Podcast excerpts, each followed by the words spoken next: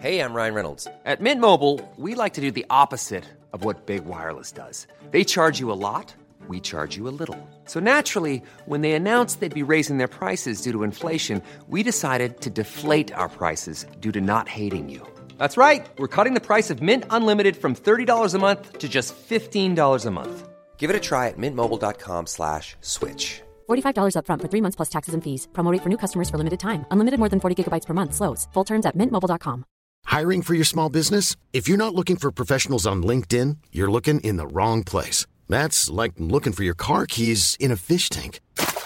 LinkedIn helps you hire professionals you can't find anywhere else, even those who aren't actively searching for a new job but might be open to the perfect role. In a given month, over 70% of LinkedIn users don't even visit other leading job sites. So start looking in the right place. With LinkedIn, you can hire professionals like a professional. Post your free job on linkedin.com slash people today.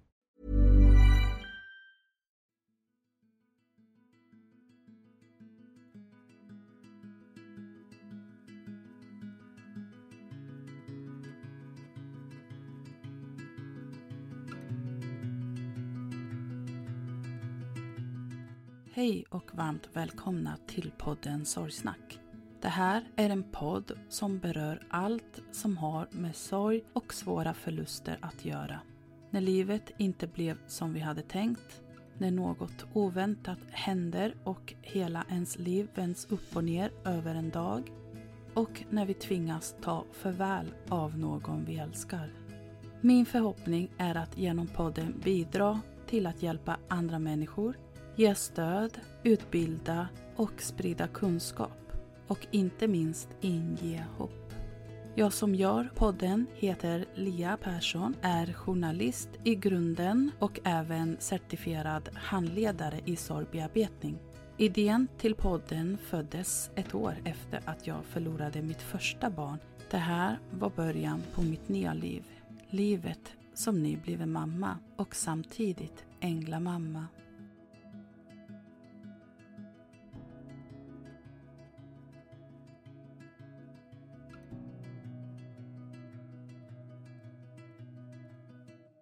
Hej och varmt välkomna till podden Sorgsnack. Idag har jag besök av Amanda Melin. Hennes dotter Livia var tre år när hon råkade ut för en allvarlig olycka den 12 mars 2023.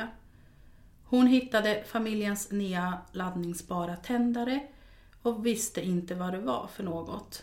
Hon satte tändare mot sin klänning och helt plötsligt satt hela hon i lågor.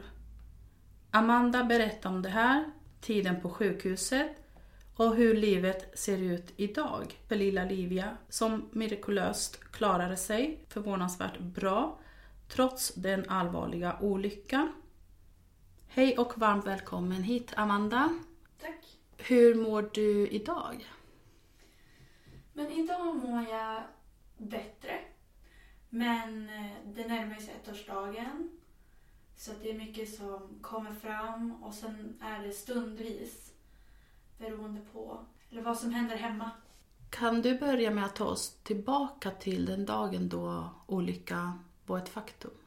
Mm. Det var en söndag dag förra året. Och barnen hade sovit borta hos min farmor. Så vi åkte dit och hämtade dem på morgonen, jag och Isak. Och vi hade väldigt bråttom för att vårt äldsta barn Leon skulle på kalas. Och sen kom vi hem och jag var jätteslut. Klockan var typ tre.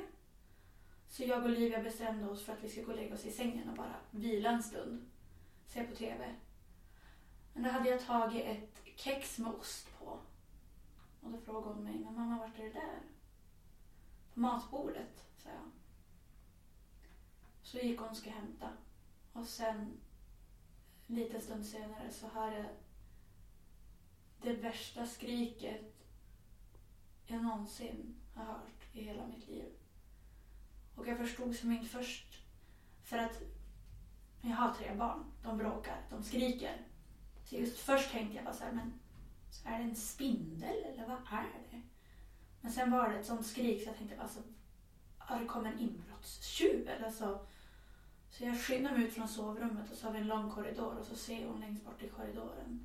Hela hon brinner. Så det var hon som skrek? Ja. Hur gick dina tankar där och då när du upptäckte det här? Alltså jag vet inte, jag vet, jag vet, jag vet inte om jag tänkte något. Jag var så himla... Jag visste inte hur jag skulle reagera. Alltså hur, man tänker inte på när man ser sitt barn, inte som man tänker ja men gud vad bra idé, nu springer jag och hämtar en filt eller vatten. Alltså man, ingenting går att tänka. Men när Isak hade släckt elden, då tänkte jag ju liksom, alltså jag ringde ju ambulansen direkt. Men jag förstod inte att det var så allvarligt som det faktiskt var.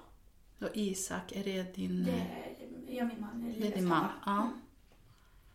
Mm. Så brännskada han släckte henne med En hjälp filt. av en filt? Så han satt i soffan.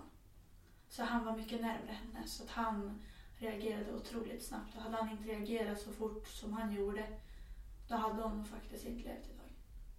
Vad hände där då direkt efter när han lyckades släcka elden och la den här filten på henne? Mm. My- Mycket är väldigt flummigt här. Men 14.59 så ringer jag, alltså 112, och försöker förklara vad som har hänt. Men det är jättesvårt att förklara vad som alltså skicka bara ambulans nu.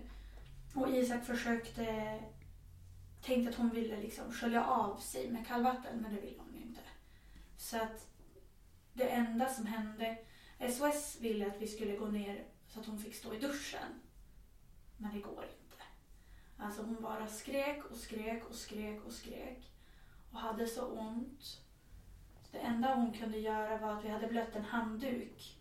Som hon stod och hade sina händer på i alla fall. Men det för vi fick inte röra henne, vi fick inte hem en filt på henne, vi fick inte göra någonting. Men ambulansen var väldigt snabbt där, den var där på 17 minuter. Så då fick vi ju ganska fort hjälp. Men eh, hon är väldigt envis. Så att det var svårt att få igenom smärtstillande när hon kom. Hon ville inte plastas in, vilket är jätteviktigt. För skador, eller för mm, infektionsrisk. Så att eh, alla är förvånade även att, alltså att hon höll sig vid medvetande tills de sövde henne. För kunde ni se där och då hur, liksom, hur pass allvarligt det var och hur mycket hon var brännskadad i kroppen?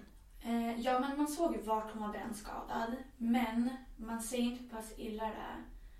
För att eh, jag förstod ju att vi behövde åka in. Men att det skulle vara så illa, det förstår jag inte. För att just en brännskada, den kom ju som lite efter, efteråt. Så hon såg ju mycket värre ut när vi kom in på akuten än vad hon gjorde hemma. Och sen såg hon ut som en helt annan människa när vi hade kommit till Uppsala.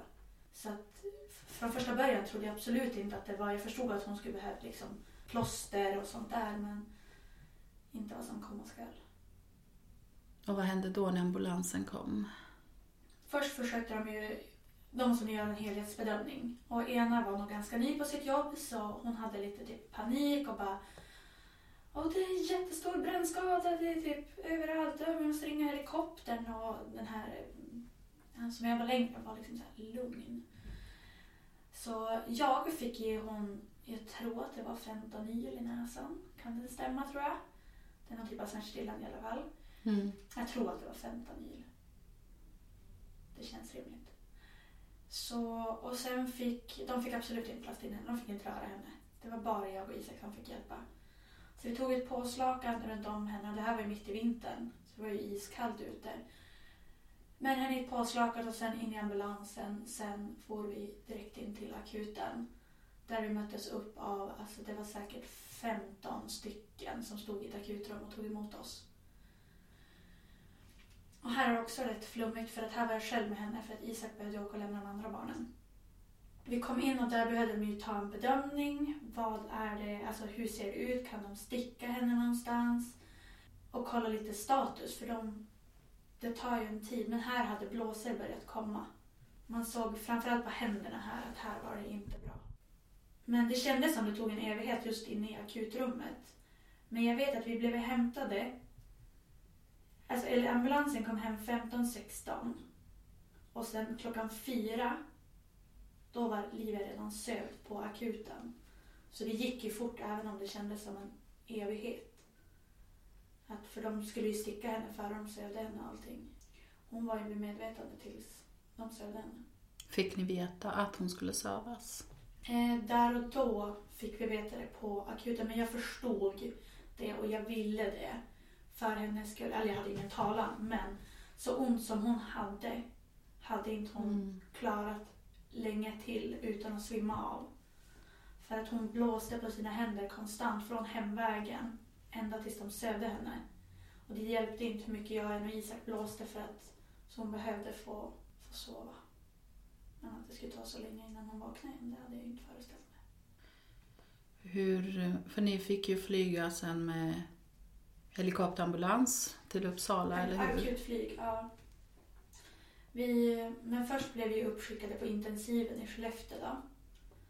Ehm, men det var ju ingen som sa till oss att men vi ska till Uppsala eller ni ska till Umeå. Ingenting sades.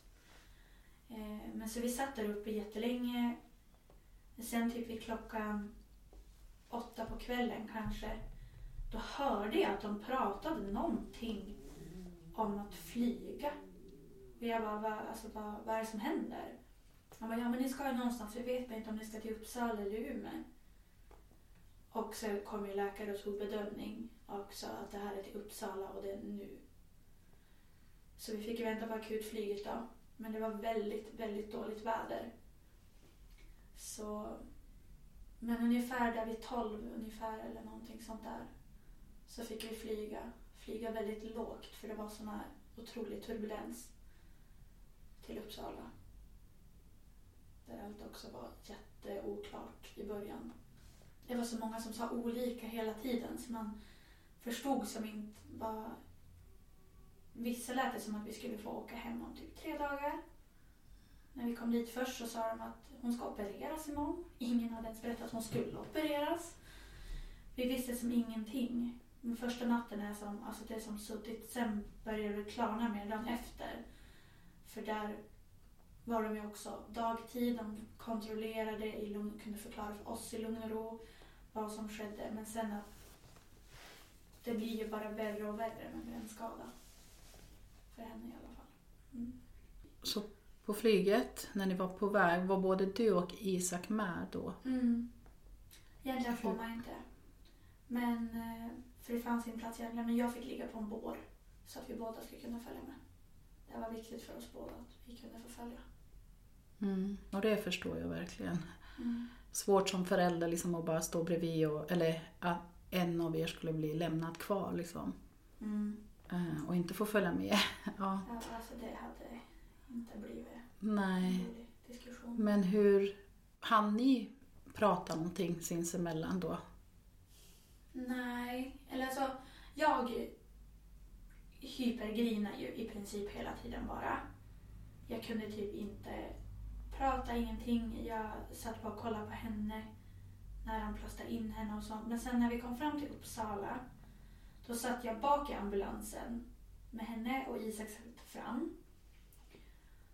Och då frågade jag eh, eh, ambulanspersonalen att men alltså det är väl inte dödligt? De var inte för tillfället. Och då förstod jag verkligen att shit alltså det här är fan riktigt dåligt. Och då pratade jag med Isak direkt vi kom ut från ambulansen och så sa jag vad de hade sagt. Jag tror ingen av oss hade fattat. Alltså varför? För vi visste ju att de är en av de absolut bästa i Uppsala på just brännskador. Mm. Men att det ändå var lite liv och död, det, det hade jag inte. Det hade inte sjunkit in liksom, Nej, för någon av er. nej. Hur agerar du då? Jag visste inte vad jag skulle göra, vad jag skulle säga, vem jag skulle prata med, vad som hände. Har jag fått prata med henne för sista gången? Kommer jag aldrig få se hennes ögon igen? Alltså jag visste ingenting. Allt jag gjorde var bara att jag gick nära sängen när vi skyndade oss upp till barnintensiven där vi hamnade först. Och sen satt jag bara och eh, bredvid henne och så lyssnade jag på läkarna. Jag ville veta och så ställde vi frågor. Frågor i sinne ställde vi. För jag är väldigt, väldigt kontrollerande på det sättet att jag vill veta vad som händer. Så jag, jag vill veta varenda detalj hela tiden. Mm. Ja men det är ju fullt förståeligt också när det handlar om ens barn. Mm. Och en, inte minst i en sån situation. Men tycker du att det bemötande som ni fick då, Eh, var det ett bra bemötande? Så kunde ni få svar på era frågor? Och hur blev ni bemötta på sjukhuset? Vi blev otroligt bra bemött. Alltså både i Skellefteå och Uppsala. Eh, jag kan tycka att läkaren vi mötte på natten när vi kom, för jag tror vi kom in på själva eh, på Akademiska typ tre på natten. Jag tycker att han, han var lite flummig. Jag tror inte riktigt han, för han sa att det ska opereras imorgon och det var som så här. Men han, han kommer att vara med hela sjukhusresan sen så att det är. Men just det var lite så här oklart. Jag fattade ju inte så här. Jag var mer så här, ja, okej, när, när ska vi få åka hem med henne? Men de var fantastiska. På båda enheterna. Ja, det är ju ändå fint att höra för att det, det är ju viktigt också hur man blir bemött. Mm. Eh, och det kan ju självklart också påverka det påverkar ju he, hela vistelsen därmed också, men också hur, alltså det förtroende som man får för de som ska liksom ta hand om ens barn och liksom, ja, men hur den relationen utvecklas. Framförallt om man blir kvar där ett tag. Mm. Um, vilket ni blev, för ni hade ju inte riktigt förstått liksom vidden av det och hur länge ni skulle bli kvar på sjukhuset. Nej. Uh, men hur, hur blev det och hur länge blev ni kvar? Vad var det som hände sen resterande dagar? Då? Dagen efter, efter vi hade kommit, då, eller på morgonen eller vad man ska säga, då kom det in ronden och då hade jag förväntat mig att de skulle väcka henne. Det var ju första grejen. Jag antog att de skulle söva henne för att hon skulle få lite medicin och liksom. Eh, och då kom första smällen att bara, men vi ska inte väcka henne idag. Och jag tänkte, men så var, var, alltså, var, alltså, varför? Varför ska ni inte väcka henne? Alltså, så då var det ju panik för att det är jävligt många timmar på ett dygn att sitta och titta. Någon andas med en maskin. Men då fick vi veta det i alla fall att vi hade det att, som mål att vi hoppas kunna göra det dagen efter. Så fick vi höra det igen dagen efter. Men sa de varför varje gång? Liksom? Ja, i början vet jag att de sa men de insåg, var det dag två eller tre, att hon hade blivit skadad i halsen i, av själva värmen. Då. För alltså, hon, hade, eller hon hade inga skador men hon var så pass uppsvullen i halsen. Troligtvis av värme då, som har svällt. Så att de trodde inte att hon skulle kunna syresätta sig själv. Så då var det också så här, från att de hade sövt henne självmant för hennes skull. Nu kan de inte ens väcka henne. Mm. Nu kan hon inte andas själv. Och där, där brast det totalt. För då tänkte jag att nu, alltså, nu är det ju... Men jag tror att det var dygn fyra. Då väckte de faktiskt henne. Och det var den bästa stunden i hela mitt liv. När hon vaknade. Vad var det, det första du gjorde då, eller sa? Jag tror att jag sa mamma är här. Eh, men hon, vaknade, hon var ju så fruktansvärt borta av mediciner. Så det första hon gjorde när hon vaknade det var att alltså, hon var jättebusig. Hon var samma gamla Livia. Hon busade, hon var så här, men helt borta ändå. Tills det tog en liten stund. Och den, när hon vaknade och var sådär, alltså vi var så himla... Hon är tillbaka och vi var så glada och men satt ju bara alltså, så nära henne och kramades. Och, till att efter man tog inte lång tid innan jag antar att smärtstillande började komma ut kanske lite. Och då var hon ju tillbaka till att hon trodde att hon brann. Så hon satt ju som och skrek och blåste på händerna. Och vi försökte ju, eller jag försökte, jag, jag, jag kan bara prata för mig för att jag, jag bara min del i huvudet. Mm. Jag försökte berätta för henne att du brinner inte längre, du kommer få hjälp nu och det är inte heller lätt att förklara för ett litet barn vad som hände. Nej. Varför är jag som full i... För att hon såg ju nästan Förstod hon att hon var på ett sjukhus? Det tror jag att hon gjorde. Ja. Men hon somnade ju också i Skellefteå skrikandes, vaknade i Uppsala inlindad i massa bandage. Så att jag tror att det var svårt att förstå eh, just där och då vad, vad som hade hänt. Ja. ja. och svårt också för ett litet barn att veta såklart. Mm vart man befinner sig och så. Mm. Mm. Var det någon som fanns där som kunde hjälpa er med just det här med hur ska jag kommunicera med mitt barn och berätta vad som har hänt. Vi, vi fick möjlighet att träffa en, var det en kurator. Men alltså det gav inte jättemycket. Jag är väldigt bra på att prata. Jag har läst psykologi och jag är väldigt, väldigt barnkär och just jag lyckades prata med henne och hon var den enda som, eller jag var den enda hon pratade med också de första dagarna hon var vaken. Hon sa inte ett ljud till någon annan. Hon kollade nästan inte ens på någon. Eh, så jag kunde ändå prata med henne men vi fick ju tips men det är svårt när hon är så liten. Ja, nej, men det kan jag verkligen tänka mig att det är ju svårt när, när det är ändå liksom ett så litet barn och egentligen veta hur mycket förstår hon, alltså hur mycket tar hon in liksom det jag säger. Um, Hur mycket ska jag prata? ja, nej, men precis, där och då. Mm. Det kan vara, Jag vet ju inte vad hon minns. nej, Alltså, en svår avvägning. Ja. ja. Eh, storebror Leon han var ju med och såg olyckan. Jag tror inte att han såg när hon brann. Men han såg ju när hon var släckt. Han såg ju hennes smärta, skrik, skador. När vi åkte iväg med ambulansen. Men han förstod ju ändå vad som har hänt. Vi var med i en olycka och vi behöver... Eller han förstod det ganska fort för han är ett år äldre. Mm. Men eh, de som var med han pratade mycket med han och frågade vad han ville prata om och sen fick han komma ner så att han kunde se att hon mådde bra igen. Och där kunde de prata med varandra och han kunde prata med mig. Och han, han har behövt prata med så han har nog alltid förstått.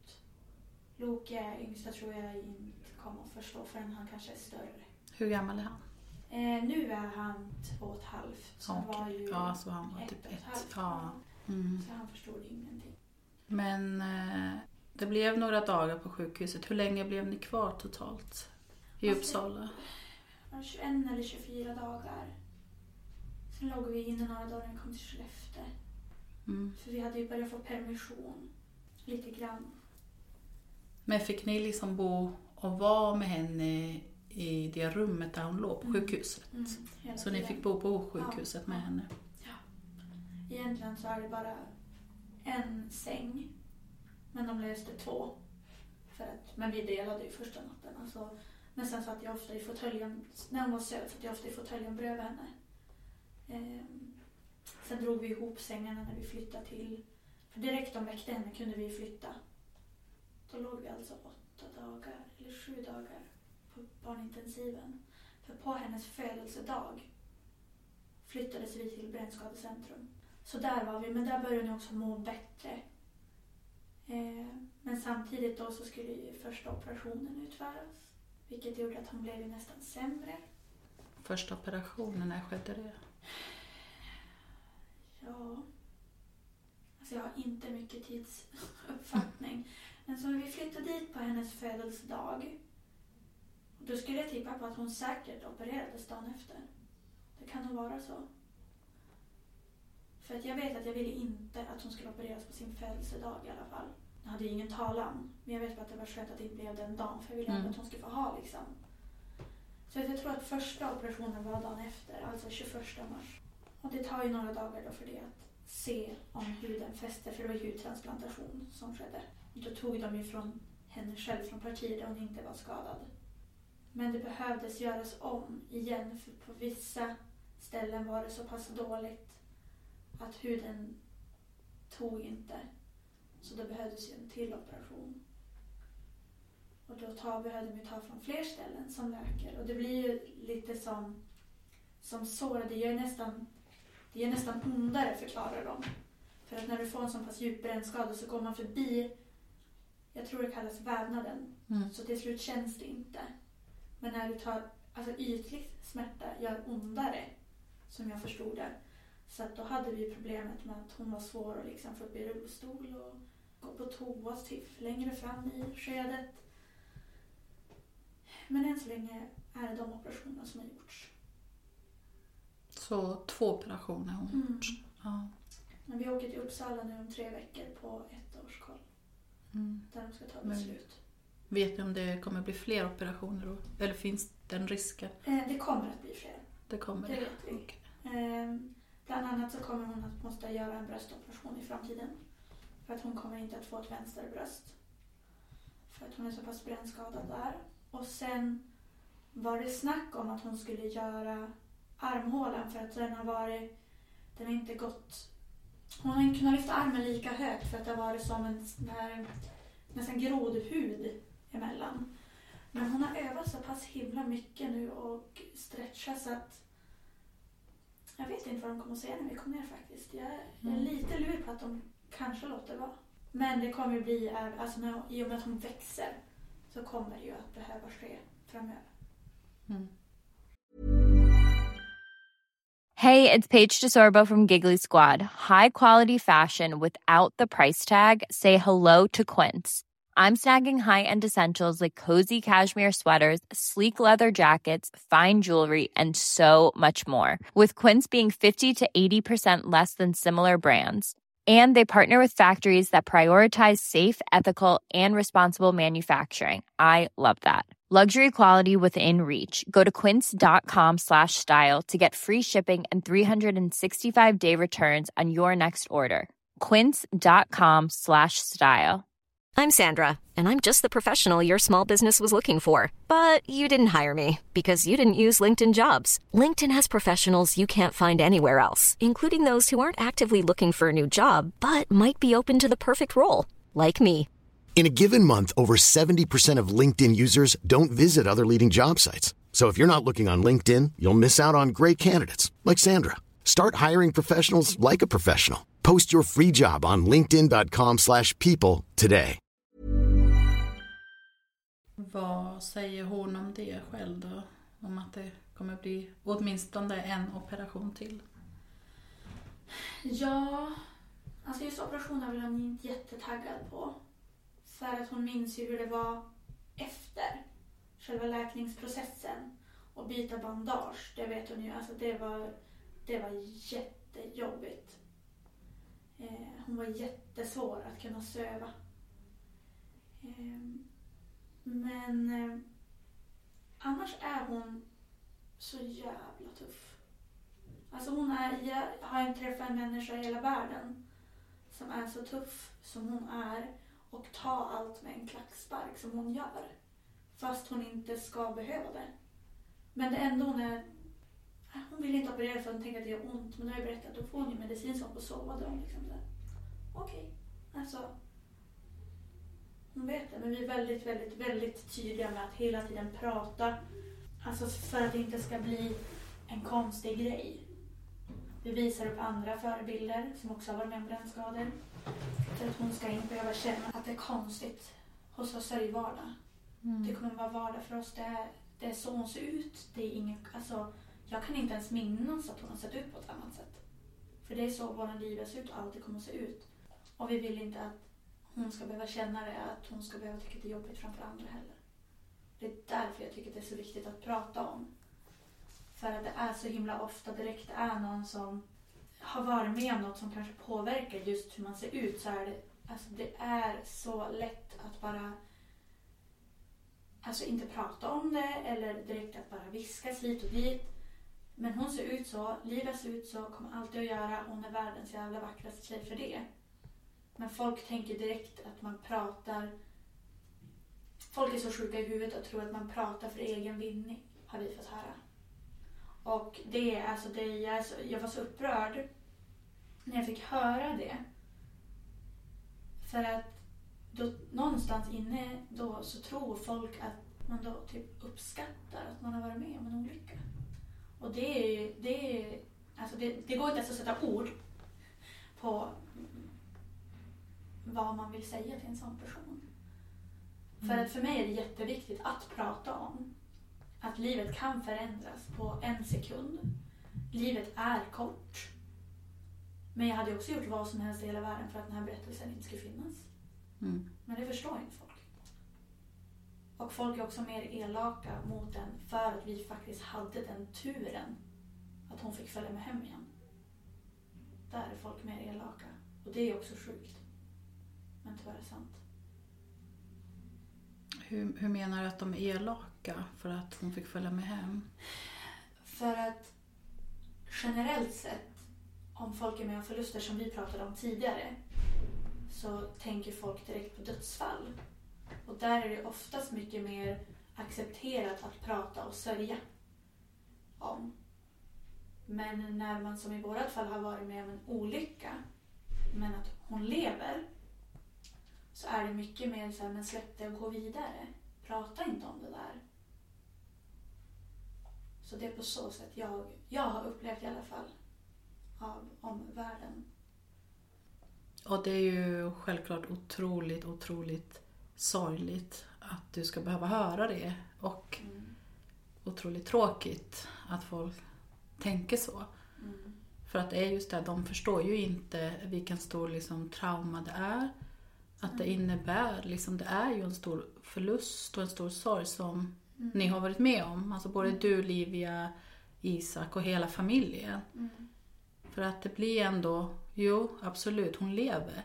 Mm. Men det är ju mycket som har förändrats också under den här processen. Det blir liksom ett nytt kapitel. Det blir ett nytt liv som man ändå måste liksom lära sig anpassa sig för. Mm.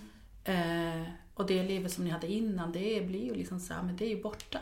Mm. Det här är ett nytt liv eh, som man ska tampas med. Hon ska liksom lära hitta sig själv, lära känna sig själv och älska sig själv så som hon ser ut idag. Och det är ju självklart att man vill ju också det för sitt barn oavsett om man har varit med om en olycka eller inte. Att man ska man vill ju att ens barn ska känna liksom att jag liksom duger som jag är. Det ska inte liksom behöva vara någon skillnad bara för att man ser ut på ett visst sätt. Nej. Framförallt inte om det är liksom orsakat av att man har haft oturen att varit med om en sån här allvarlig olycka. Mm. Och men jag förstår det precis det här också med att eh, du hade gjort vad som helst för att det här inte hade hänt. Men nu är ju liksom faktum det att det har hänt. Och då får man försöka göra det bästa av den här situationen där man står här och nu. Och det är just viktigt, som du säger, att prata om det. För att eh, sorg innebär så mycket mer än bara dödsfall. En stor fördel också med att prata om det, det är ju den typen av människor man kommer i kontakt med som har varit med om liknande som man kan få stöttning av. För att det är ju bara någon som har varit med om något väldigt traumatiskt som faktiskt förstår hur det är. Det behöver inte vara samma olycka. Men sorg, djup sorg eller trauma Mm. där vet man hur det är. Sen är det ju klart alla olika skalor och hit och dit. Men att få prata med någon som också har varit med om något allvarligt, det gör att man läker mer också. Mm. Och hade man inte pratat om det, någon, så hade man inte haft någon att prata med. Man hade inte vetat att det är vanligt att det händer olyckor. Man hade känt sig som sämre än vad man redan gör. Mm. Alltså, Ja, men det hade, man hade ju inte mått bra av det. Det hade ju inte Nej. hjälpt på något sätt. Alltså nej. inget positivt hade kommit ur det, liksom att vara tyst. Mm. Nej, så är det. Ärligt så har jag nog inte pratat så himla mycket. Mm. Det här är första gången jag verkligen pratar om vad som hände. Faktiskt. Mm. Nej, men sen så är det ju så att för vissa människor så tar det kanske lite längre tid innan de själva också inser att men jag behöver prata om det här som jag har varit med om faktiskt. Mm. Som är liksom, eller har varit en trauma eller som är en stor sorg. Jag har ju gått i KBT förra året. Och det har hjälpt mig otroligt mycket. Bland annat. Det var inte på grund av livets olycka från första början som jag skulle dit. Men det har hjälpt mig jättemycket i olyckan. Att kunna hantera känslor för mig och Livias känslor. För att hon har ju också bra och dåliga dagar. Mm. Hon har ju, alltså hon har ju problem som alltid kommer finnas med. Hon har till exempel kompressionskläder som hon ska ha dygnet runt i några år. Och hon har ju ärr som ska smörjas som är jättetorr. Hon kliar sig hela nätterna. Så det var ju... Hon har klarat sig bra, det har hon. Men hon har ju fortfarande fått också problematik som kvarstår. Mer än att hon kommer behöva opereras. Mm. Det är ju mycket tänk om. Och jag också som är en person som lider väldigt mycket av dödsångest är ju mycket för det här äh, paniken liksom att vi har bara ett liv. Och det ger mig jättemycket panik. Och det är också något som har haft jättejobbigt. Och det enda som liksom har gått runt i mitt hjärna då liksom är att vi har bara ett liv, Livia har bara ett liv. Varför ska hon behöva ha det här livet? Varför hon? Hon förtjänar inte det här. Hon ska få se ut exakt som alla andra. Hon ska inte behöva ha det här kompressionskläderna eller behöva ha speciella kläder på sommaren eller behöva bli tittad på eller frågad som fyra, snart femåring. Det har jag så jävla svårt att förstå. Mm. Nej, det är fruktansvärt och orättvist på alla sätt och vis. Mm. Nej, inga barn ska fara illa. Nej, verkligen inte. Ja, det är ju en fråga många ställer sig också, just när det kommer till barn som far Mm. illa. Liksom, varför just barn? Alltså, ja. Ja, alltså det finns ju så mycket andra människor på den här planeten som faktiskt kan få illa. Men snälla håll bort det från barn. De är så otroligt oskyldiga och de ska Mm. inte behöva vara med om någonting. Det håller jag verkligen med om. Men eh, hur skulle du säga, nu var du lite inne på det, men hur skulle du säga att Livia mår idag? Alltså jag skulle säga att Livia mår bra. Jag skulle ändå vilja påstå, tror jag, att hon är så pass tillbaka som hon kan bli. Hon kommer aldrig bli sig själv till 100% igen. Men hon har gjort en sjukt snabb resa och hon har varit otroligt förstående och liksom tagit in snabbt att nu är det så här, där. Och så har vi utgått ifrån det. Hon har inte haft mardrömmar på länge eh, relaterade till olyckan. Och hon övar väldigt mycket på att inte begränsa sig på grund av sin rörlighet i armen. Så att jag, hon, hon har det nog faktiskt rätt bra psykiskt. Fysiskt kämpar hon ju också på. Eh, men hon tycker att det är jobbigt när det blir för mycket frågor och för många tittar på henne. Till exempel om hon är på offentliga platser, badhus. Och har du fått många frågor kopplat till olyckan eller alltså varför hon ser ut som hon gör och så från andra runt omkring?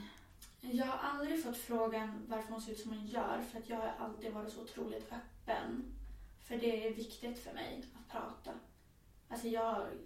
Alltså, det hade varit tusen gånger värre om vi bara hade stängt in oss och låtsats som att inget hade hänt och försökt gömma situationen.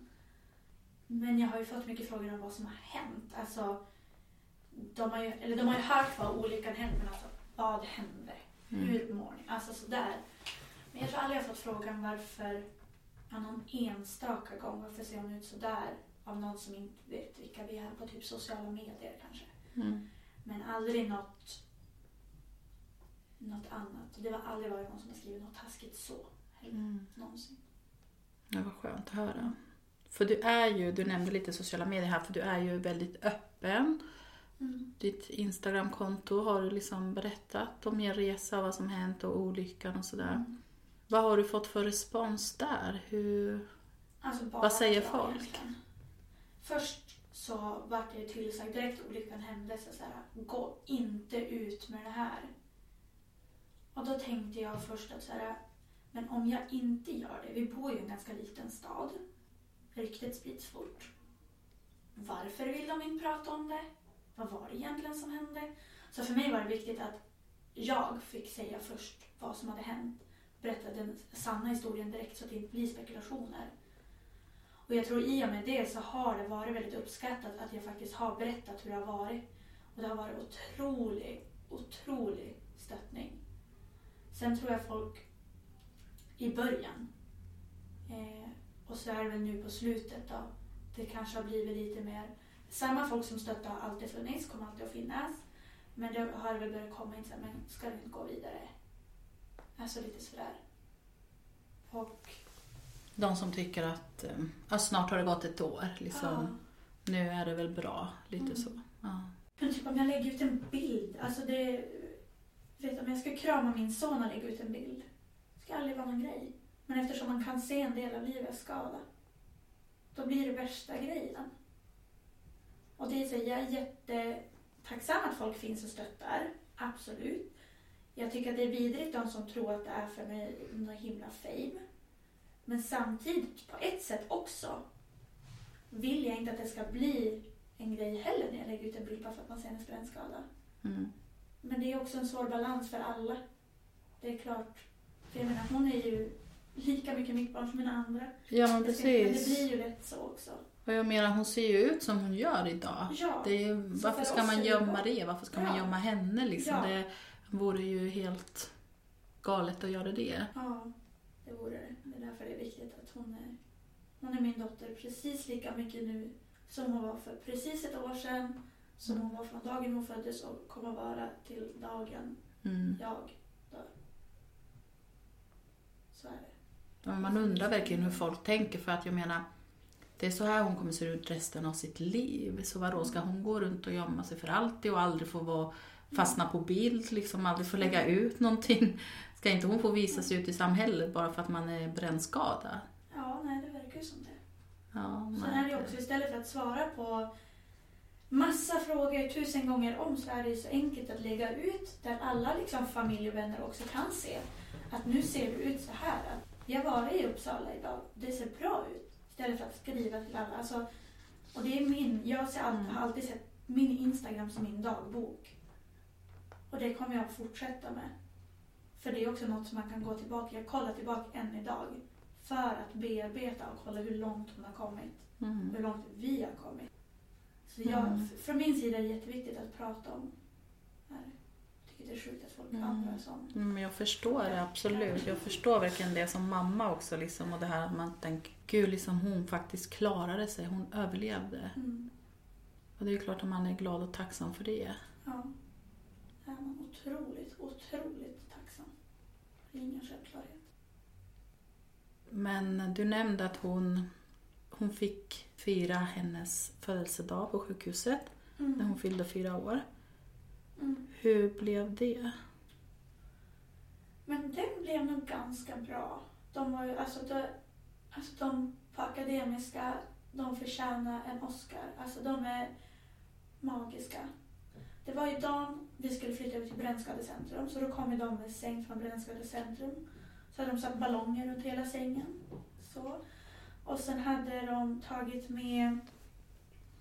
Vi hade först fått paket från barnintensiven. Och sen hade vi fått kom de från Brännskadecentrum med gosedjur i sängen och så hade de ju fått väldigt mycket gosedjur av ja, men familj och Mm.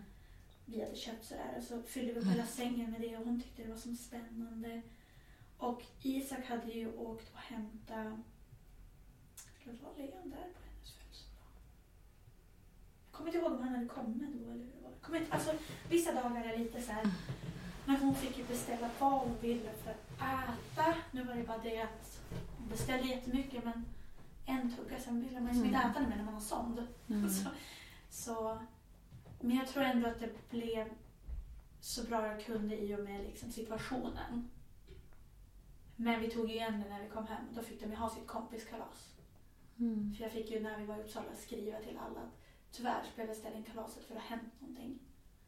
För de två stora fyllde år alltså, väldigt tätt in på varandra. Så de här skulle ha ett gemensamt kalas. Ja. Så det var det också. Då missade jag min äldsta sons födelsedag. Det är också bara så här, Ja. så ska det inte vara. Nej. Mamma ska vara hemma med dig. Ja. Det är också en sorg. Mm. Mm. Men det är nästan också då det är heller också något man nästan inte vågar prata om för att hallå varför kan du tycka att det är jobbigt när hon är så här? Alltså det jämförs så mycket känslor. Bara för att man har varit med om något så får man inte känna något om det här eller det här är en bagatell. Alltså, Och det är märkligt är just det här att hålla på att jämföra. mm, Varför ska man göra det för? mm. Ja, det kan man undra. Vad tycker du, eller vad skulle du säga har varit svårast för dig i hela den här situationen? Alltså svårast för mig, det har nog varit att acceptera att hon tvingades genomgå det här. Att hon har ett liv och hon fick ett speciellt liv, eller vad man ska säga. Att det behövde hända saker i... Att det blev annorlunda? Ja, Mm. Eller det, alltså det, att livet inte blev som som, du hade tänkt? Ja, som det bli för många andra liksom. Det har jag haft jättesvårt med. Och kommer nog alltid att ha. Hon är ju starkare än vad vi är kan jag säga. Hon är mycket, mycket alltså, starkare. Jag visar ju inte för henne nu. Alltså det gör jag inte för att hon är så stark och vi har så bra kommunikation. Men för mig kommer det alltid vara tufft att bli påmind varenda dag. Om synen av olyckan när den hände. Synen av att hon kanske aldrig skulle vakna igen och en påminnelse om att hon kommer alltid att ha besvär. Hon förtjänar det inte. Så, mm, det, det, det är jobbigt varje dag jag ser henne. Varje gång jag håller om henne, varje gång jag stryker henne, vad, vad som helst. Skulle du säga att du har förändrats? Eller att den här olyckan har förändrat dig? Ja, jättemycket. Jätte, jättemycket. Kanske inte så att det märks utåt, men inuti så har det det. På Det vilket som- sätt? Som, som jag nämnde tidigare så har jag väldigt mycket dödsångest. Och gick ju då i KBT för det. Och det blev inte bättre i grund av olyckan. Men det som har väckt mig, eller vad man ska säga, är att hur fort det faktiskt kan hända. Hur kort livet är och liksom så här, vad, vad sitter jag och väntar på? Vi har ett liv. Och efter olyckan och livet började må bättre så har jag verkligen sagt, vad vill jag göra? Vad tycker jag är kul? Nej men det där, oh jag är lite rädd för det. Okej, vad är det värsta som kan hända? Kör! Så det är väl mer att jag vågar... Alltså jag har väl blivit ännu mer till insikt att livet är kort men istället för att vara rädd för att det ska ta slut, lev! Passa på. Jag tar vara Mm. mer på livet nu tror jag än vad jag gjorde innan. Mm. Och uppskattar min familj på ett sätt som jag trodde var möjligt. Men man får påtagligt. perspektiv på Man- saker och ja, ting. Ja. Precis. Ja. Så det är nog det. Mm. Finns det någonting som du känner att du skulle vilja dela med dig av till lyssnarna? Eller någonting som, som vi kanske inte varit inne på? Som du tycker att det är viktigt att eh, få berätta? Alltså jag tror att vi har varit inne på och berört det mesta som är olyckan. Men det som jag ändå vill trycka på det är att acceptera, vad ska man säga, andras känslor. Något som är hela världen för mig kan vara en bagatell för dig. Men tvärtom. Och att man måste acceptera att det behöver inte vara ett stordåd som sker för att någon ska känna att livet går under. Där måste vi bli bättre på att acceptera varandras känslor. Vi måste också bli bättre på att inte göra en, en grej av att någon ser lite annorlunda ut. Tänk att vara unik den personen är istället. Och sen våga prata. Det hjälper.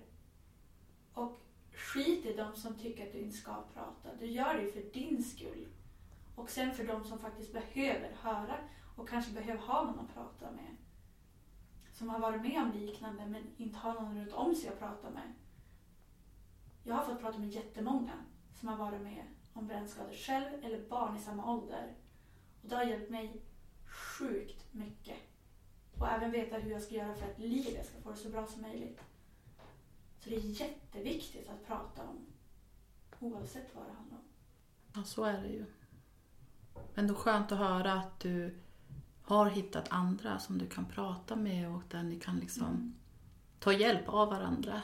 Mm. För det är ju jätteviktigt som sagt. Få känna den här gemenskapen eller bara det här att jag är inte ensam om det här i hela världen. Vilket ibland, många kan ju ha den känslan att det här Mm. liksom drabbar bara oss. Mm. Det är bara jag som mår eller känner så här. Och då kan det vara väldigt skönt att veta att det finns andra där ute också. Ja, det är otroligt värdefullt att ha prata med. Och jag tror verkligen att eh, det kommer ju också, genom att du är här idag och berättar och delar med dig, att andra kommer kunna känna igen sig och finna tröst i det. Liksom. Så det var jättefint att få samtala med dig och fint att få höra om dig och Livia trots omständigheterna. Men fint att höra att eh, läkningsprocessen går framåt och att hon mår ändå så pass bra som hon gör idag. Hon kommer komma ur det här Mm. starkare. För det låter verkligen som att det här är en jätteklok liten tjej. Det det. En kämpe, verkligen. Mm. Och hon har tur att hon har dig som mamma. Du verkar liksom se värdet i att ta hand om att, alltså, hennes välmående och hennes inre. Och det här just att, att hon ska förstå att hon duger som hon är. Mm. Att det är inget konstigt med henne. Nej. Det är jättefint att höra. Mm. Så fortsätt att prata, fortsätt att dela med dig och eh, såklart så ska du göra det du vet och känner att det är bäst för ditt barn. Mm. Tack för att jag kom. Tack själv. Och tack till er som har lyssnat. Vi hörs igen nästa vecka. Sköt om er och varandra. Hej då!